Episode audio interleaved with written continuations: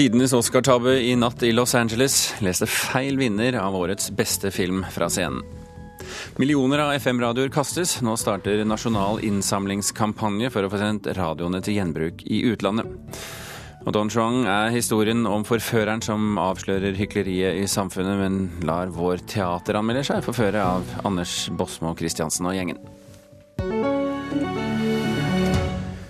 Så skal vi snakke om ulv i dag. Ulv som dreper, eller er det egentlig ulv? Eller er det hybridulv, eller kanskje bastard? Ja, det er Kulturnytt du hører på, og ikke ut i naturen. I natt ble Oscar-prisene delt ut for 89. gang i Los Angeles. På forhånd var musikalen La La Land storfavoritt med 14 nominasjoner, og da hovedprisen for beste film ble delt ut til La La Land, trodde alle at filmen endte med til sammen sju priser i noen sekunder. Helt til en feil ble oppdaget. Skuespiller Warren Beatty skal dele ut den aller siste Oscar-prisen for kvelden. Han står med konvolutten og bruker så lang tid at han blir avbrutt av Faye Dunaway. La La Land. Ikke overraskende går den aller gjeveste prisen for kvelden, prisen for beste film, til musikalen La La Land. Storfavoritten som allerede har vunnet seks statuetter samme kveld. Uh, Skaperne av La La Land er gråtkvalte av lykke og allerede langt ute i takketalene sine da den forferdelige feilen plutselig oppdages. No. Moonlight, you guys won Best Picture.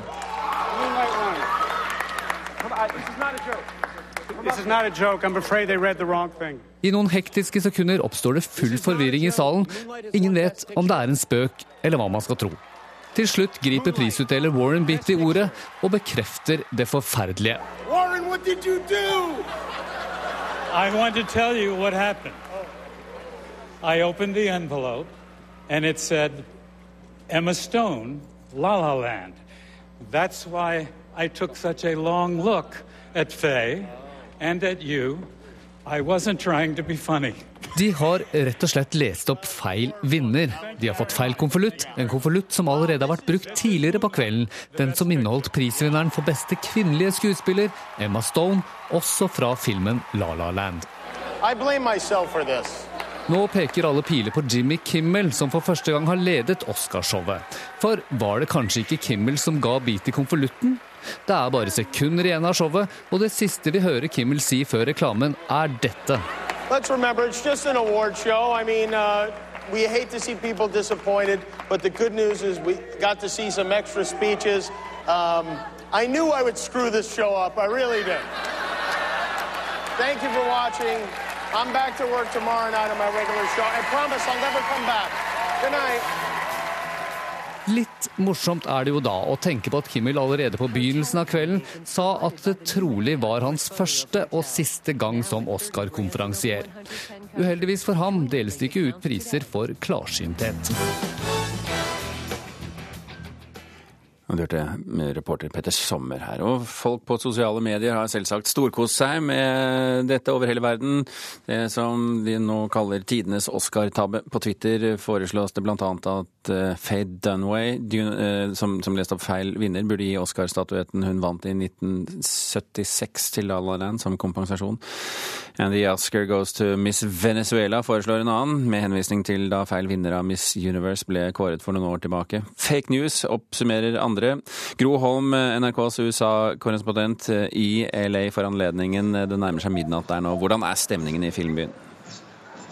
Ja, jeg er på en norsk fest, en fest for norske filmarbeidere, forretningsfolk, kulturarbeidere av ymse slag. Eh, og det er klart at folk her er, de er, de er storforundret over at noe sånt overhodet kan skje. Og det mange lurer på hvordan, ja, hvordan skjedde det, hvem var det som egentlig gjorde feil? Hvordan kunne han få feil konvolutt? Eh, bortsett fra det så er folk i gang med å feste. Eh, og det tror jeg gjelder mange her i filmbyen. Men det er klart, dette dette er et tema som kommer til å rulle og gå i mange mange dager framover. Hvilke andre reaksjoner har kommet på Oscar-tabben der borte? Ja, det kalles jo historiens største Oscar-tabbe. ikke sant? Og det er, eh, er Avisene kommenterer det jo har jo dette på, på øverste, eller på, på forsidene. Og eh, det store spørsmålet er hvordan, hvordan, kan noen gjøre noe sånt? Var det Jimmy Kimmels feil? Og så videre. Det er, det det er bare hoderysting til dette her. Og så er det selvfølgelig noen som er veldig skuffet for at La La Land ikke fikk prisen. Det var en veldig populær film her i, i byen. Handlet om to unge mennesker eh, forelsket i hverandre, men valgte å da ta, gjøre, la karrierene styre livene sine i Eh, masse musikk, masse henvisning til eh, gamle tiders musikaler. Eh, veldig populær film, mens jo 'Moonlight' er en afroamerikansk film. Mye mer seriøs på mange måter, mye dypere, tristere. Og, og jeg vil kanskje si viktigere. Eh, om en ung eh, afroamerikaner som gradvis oppdager at han er eh, at han er homofil og kommer fra et veldig fattig miljø i Miami. Det er en stillfarende film. Mye menneskelig lidelse. En helt annerledes film. For å gå videre til en annen pris, eh, Gro. Iranske The Salesman slo både danskene og svenskene og vant beste fremmedspråklige film i natt. Men eh, regissøren og skuespillerne var jo ikke til stede i protest mot Donald Trumps innreiseforbud. Hvordan forholdt Oscarshowet seg for øvrig til den omstridte presidenten? Ja, Programleder Jimmy Kimmel eh, spøkte jo mye på hans bekostning. Sa at flere av dere her kan jo nå kanskje vente på twitrere fra, fra, Donald mens han sitter på do om morgenen.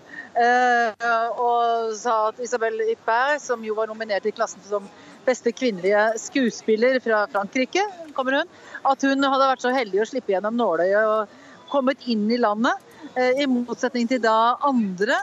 Eh, en av de som, eh, den som vant faktisk for beste korte dokumentar, eh, 'Hvite hjelmer'. En, eh, en syrer, eh, Khaled Khatib, han ble jo stanset i Tyrkia og kom jo ikke inn i landet. Mm. Eh, og, sånn at det var, det var, mye henvisning til det. Det var mye snakk om eh, mangfold. Eh, det, var, det, var, mange, mange spark til Trump. Og han, Jimmy Kimmel spøkte jo også med med, med Meryl Streep, som, som, Trump jo har snakket nedsattende om etter at hun holdt en tale mot, mot hans politikk på Golden Globe. Så Jimmy Kimmel snakket jo da bare om hvor ufortjent uh, Jim Meryl Streep hadde vunnet masse priser, og spilte jo da på, dette, på, på ironien i dette. Gro, takk for at du var med oss fra LA. Det begynner å nærme seg midnatt, så du må vel snart få lov til å tre av. Eh, takk for at du var med i Kulturnytt. Inger Merete Hobbelstad her i eh, Oslo. Spøk på Trumps bekostning, men ganske godmodige saker tross alt, da? Eh, absolutt. Altså, det var ingen eh, stor sånne taler i harnisk fra hvert Jimmy Kimmels side. Det var i stedet sånne litt sånn godmodig erting, eh, som når han sender en sånn tweet direkte til Trump, for han bekymrer seg når de holdt på i to timer, og Trump har ikke vært sinna på dem ennå, så han lurer på lever han, har han det bra, er det eh, Og det tror jeg nok var et klokt leie å legge seg på. Eh, for det er jo noe med at selv om det er politisk betente tider, og det ville være kanskje litt unaturlig at showet ikke gjenspeilte dette på noen måte, så er dette jo også et show som skal nå brette ut og favne mange som har forskjellige synspunkter og meninger. Eh, så det at det ble gjort på en såpass jovial måte, tror jeg var et riktig valg. Inger Merete Hovelstad, kommentator i Dagbladet, altså. Glemte å si det. Vegard Larsen eh, fra oss her i NRK.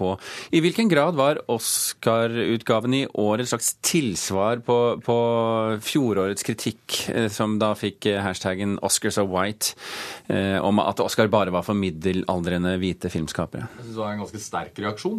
Beste filmen 'Moonlight' er jo en, er jo en film laget av sorte amerikanere om sorte amerikanere. Viola Davis Davis vinner eh, prisen for beste kvinnelige birolle. Hun er en sort amerikaner. Det er den første gangen en, en muslimsk skuespiller vinner prisen. Altså Sala Ali vinner prisen for beste mannlige birolle for 'Moonlight'. I tillegg så er det jo en en pris i år som en prisutdeling i år som er ganske hva skal man si, politisk korrekt, hvis det er lov å si det. Altså Ashkar Faradi som, ikke, som velger å boikotte filmen. Han er fra Iran, eller filmprisutdelingen. Han er fra Iran. Han velger å være hjemme eh, som protest mot Trumps innreiseforbud. Han vinner prisen. Så sånn sett så, så kan man ikke hevde etter denne Oscar-utdelingen at Oscar is so white eh, lenger. Inger Merete Hobbelstad, er det ditt inntrykk også? Eh, det stemmer absolutt. og du ser også En ting var at det var en langt større andel av skuespillerne i år som hadde minoritetsbakgrunn. altså Det var jo Dev Patel som er av indisk herkomst, indisk-britisk, og eh, de andre som var afroamerikanere. Langt større andel enn en i fjor. Men dette har jo også med å gjøre at det har blitt laget flere filmer som har fått bredere distribusjon, blitt satset med på fra Hollywoods side. Så det er jo, vi har ofte tenkt at det er jo kanskje veien å gå, snarere enn å på en måte snakke om at filmpriser skal gå til flere skuespillere med mangfoldig bakgrunn så gi dem flere anledninger til å vise seg frem, slik at de kan konkurrere på like vilkår. For der har det jo vært, uh, vært betydelige mangler. Mm. Det har vært veldig vanskelig for minoritetsskuespillere å få store roller, komplekse roller. Det ser ut til at det er en viss endring uh, der nå. Dette gjenspeiles for øvrig også i at det var jo noen svært sterke dokumentarer som også gjenspeilte minoritetsopplevelsen. Enten den fabelaktige lange dokumentarserien om OJ Simpson, som vant for beste dokumentar, og også dokumentarer om James Baldwin, om fengselssystemet, som alle har med eh, disse erfaringene å gjøre. Og så kanskje igjen kan du si at det er en utfordring i at altså hvis, folk, hvis man er for opptatt av nettopp minoritetsperspektivet i disse filmene, så ender de opp med at man lar minoritetsperspektivet kanskje også definere dem. Så det er liksom en fare at man kan bikke over i det også, og ikke helt ta inn over seg at både, altså, veldig mange av disse filmene, enten de har hvite eller svarte folk i hovedrollen, tar opp universelle temaer.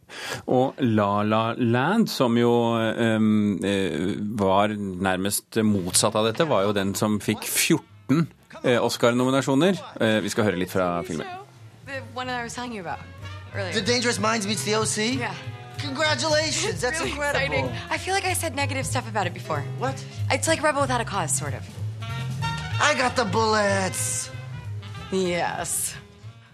Emma Stone og Ryan Gosling her. Det helt motsatte av en samfunnskritisk og, og identitetsorientert eh, film, eller hur? Eh, ikke sant? Og det har jo vært en ganske interessant debatt frem mot Oscar-utdelingen. Eh, fordi altså, La La Land er jo en ganske umotståelig film. Det er en sånn sukkertøy, en virkelighetsflukt fra drømmebyen hvor du følger vakre unge skuespillere og musikerspirer som prøver å overleve. Og den er veldig tydelig arvetaker etter Sing in the Rain og den typen klassiske Hollywood musicals. Så fikk den voldsomt masse priser utover i prissesongen her, og altså, fikk jo alt av Golden Globe-priser, blant annet. Og så kom det et visst sånn backlash da, som mente at i en tid med så mange betente politiske spørsmål der så mye står på spill, eh, om det var riktig å gi en så tung belønning til en film som var så lett, og seieren til Moonlight var en slags reaksjon på dette. Seks priser til La La Land, tross alt da, Vegard? Beste regi. Eh, yngste regissør noen gang, Damien Chazelle, vinner prisen for beste regi.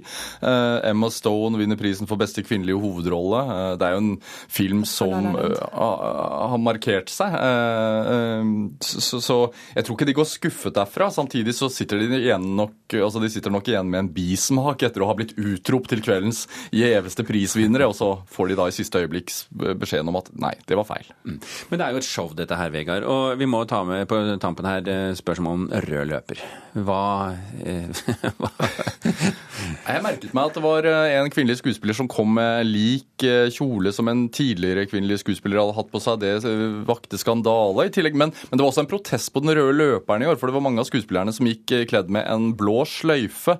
Eh, til støtte for, for uh, altså borgerretts... Altså uh, hva skal man si, rettighetsorganisasjon UCLA, som, som, tilbyr fri rettshjelp. Så de brukte også den røde løperen i år som, et, som en arena for å markere da, uh, hva skal man si, sin motstand mot Trump. Var det politikk eller estetikk som sto fremst i køen for deg, Inger Merete? Det var jo interessant med dette accessoaret. For all den tid de kommer med disse tydelige lyseblå sløyfene, så på en måte legger jo det opp til at reporterne på den røde løperen kommer til å spørre dem om hvorfor og hva det står for. og dermed så gir de også anledning til å ta opp, eh, ta opp det veldig mange mener er utfordringer i forhold til eh, den enkelte amerikaners eh, sikkerhet om dagen, i forhold til hva som skjer fra, fra myndighetenes eh, side. Men gjenbruk av kjole?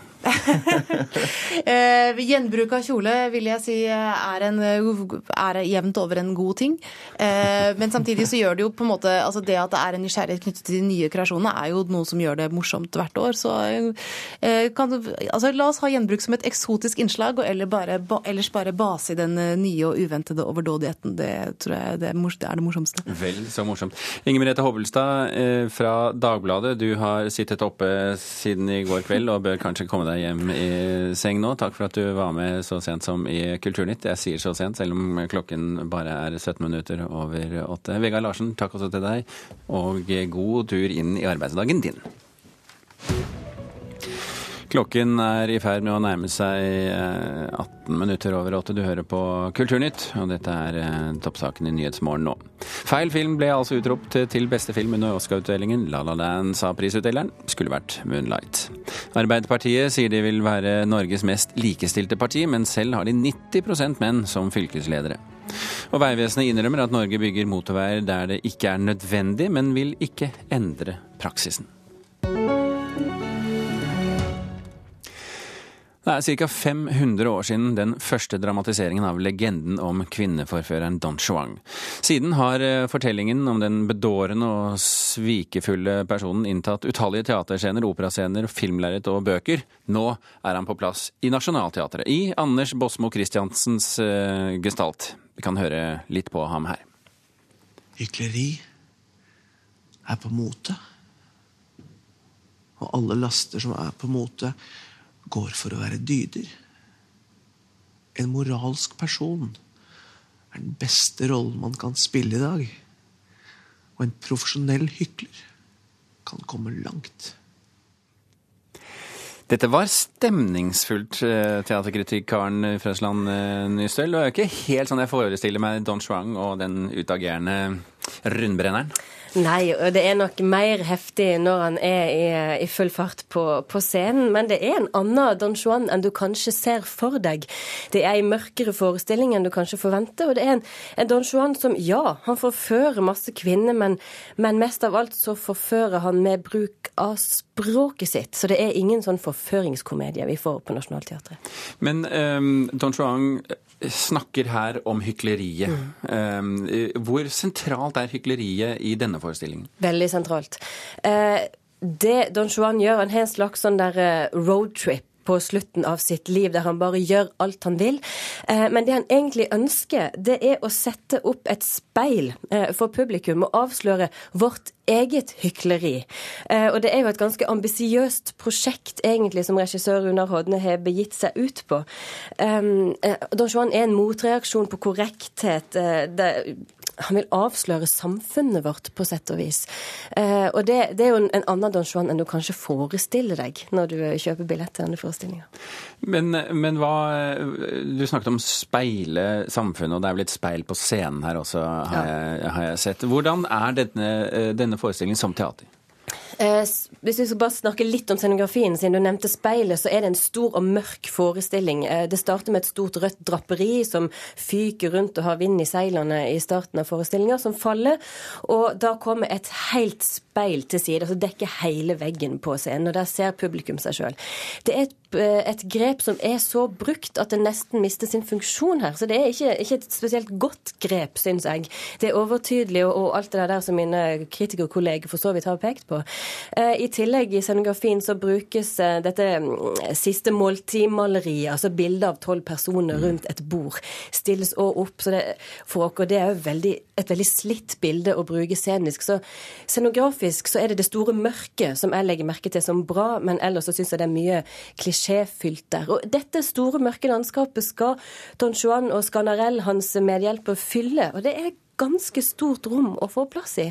Samtidig med dette mørket, det jeg liker ved dette mørket, det er at regissør Runar Hodne, når han vil inn i menneskene, inn til det virkelige og si noe om hvem vi er i dag, så bruker han det store mørke rommet. Han gjorde det i Brann, min gud er storm, ved Nationaltheatret i høst, og han gjorde det òg da han satte opp Otello ved Nationaltheatret for noen år siden. Så det er noe der. De vil at vi skal et sted. Og det må være noe fordi at f.eks. For Aftenposten gir jo denne forestillingen terningkast to, og der var det ikke ikke mange gode ord å hente. Dagbladet gir den i dag terningkast fem og er veldig begeistret. Og så har vi eh, sjanger, eller, eller anmeldelsen som ligger midt imellom.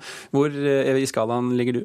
Nei, Den er både god og ikke så veldig god, syns jeg. Eh, men jeg liker prosjektet de begir seg ut på. Når, når, Don Juan kommer inn, så er han en klovn. Han snakker ikke de første fem minuttene. Han står og, og, og spiser på et eple og prøver å forføre noen kvinner i salen på en ganske smart måte, egentlig. Og klovnen, klovnen, det er en sannhetssøkende person. Det er sannheten gestalta egentlig? Og hvis mm. man forfølger den tanken der, og ser på prosjektet de har hatt, så kan man finne mye interessant i Don Juan. Men hvis man forventer en, en forføringskomedie, så får man egentlig noe helt annet. Ok, folkens, Da har dere fått en bruksanvisning til eh, Don Juan i oppsetningen til eh, Nationaltheatret. Karen Frøsland Nysøl, takk for at du anmeldte.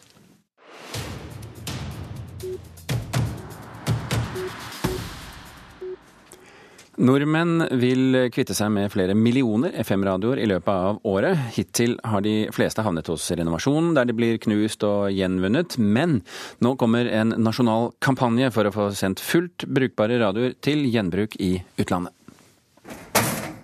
Hvor mange FM-radioer tror du har? Sikkert ti. Fire-fem. To nattbordradioer og en på stereoen og på kjøkkenet og på loftet. Ja. Hva gjør du med de nå? River de. Gi de vekk, eller sette de i en samlekasse, eller et eller annet. Ja, jeg syns det er trist. Det er meningsløst at eh, brukbare, fullt brukbare radioer bare skal skrotes til gjenvinning. Tord Kjellflot liker ikke å se fullt brukbare radioer bli kasta til gjenvinning. Han er overingeniør i renovasjonsselskapet Ivar i Rogaland, og har savna en skikkelig plan for hva som skal skje med alle de overflødige FM-radioene.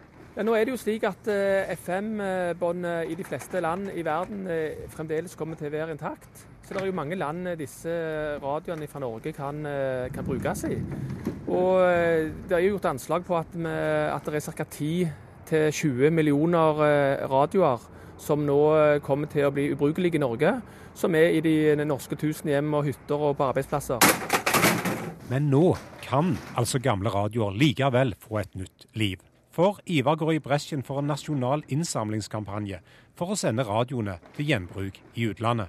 Ja, altså, Vi har òg tatt eh, initiativ eh, i lag med Avfall Norge eh, til å prøve å få til et nasjonalt eh, løft på dette her. Slik at eh, hele landet kan eh, være med på denne dugnaden. Det syns jeg mye om. Jo, jeg syns det er viktig å ta vare på ressursene inn i sirkulærøkonomien. Men det er viktig å prøve gjenbruket først. Dette sier Stig Ervik, han er administrerende direktør i Norsirk, et av Norges største selskaper for innsamling og gjenvinning av elektriske artikler. Norsirk vil nå ta imot alle norske radioer og vurdere om disse er brukbare. Selskapet jobber for å finne land i både Europa og Afrika der disse radioene kan komme til nytte. Men Vi har ikke full kontroll på det enn så lenge. Men uavhengig av det så vil vi eh, ta vare på disse radioene inntil disse markedene er klarert for, for eh, gjenbruk. Ja, Det syns jeg jo er kjempebra. Ja, Hvis en kan bruke dem om igjen, så er jo det glimrende. Jeg gir dem gjerne fra meg.